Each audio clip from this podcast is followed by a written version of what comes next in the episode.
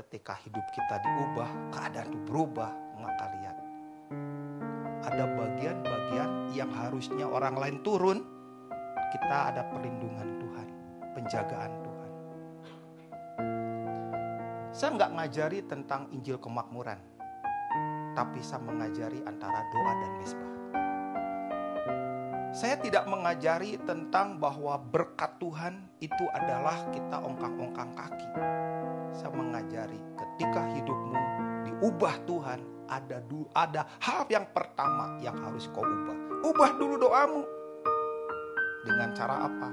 Ubah senternya doa dan ubah pakai mesbah.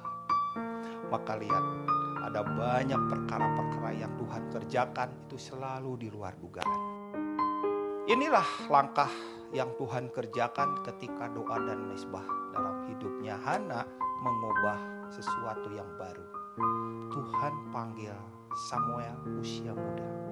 Samuel, Samuel. Dia pergi ke kamarnya Imam Eli. Dia pikir Imam Eli yang panggil. Nyatanya bukan. Dan pada waktu itu Imam Eli katakan, aku nggak manggil. Oh, saya pikir papa yang manggil.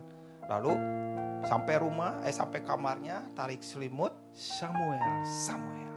Akhirnya Samuel tahu, dikasih tahu oleh Imam Eli itu suara Tuhan.